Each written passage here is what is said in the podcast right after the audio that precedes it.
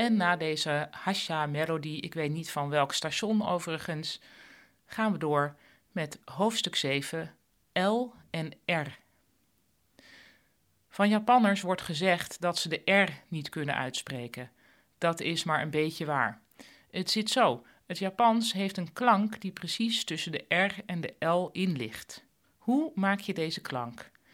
Nou, je begint met een Italiaanse rollende tong-R, dat is dus rrr. Dan flapt het puntje van je tong tegen je gehemelte.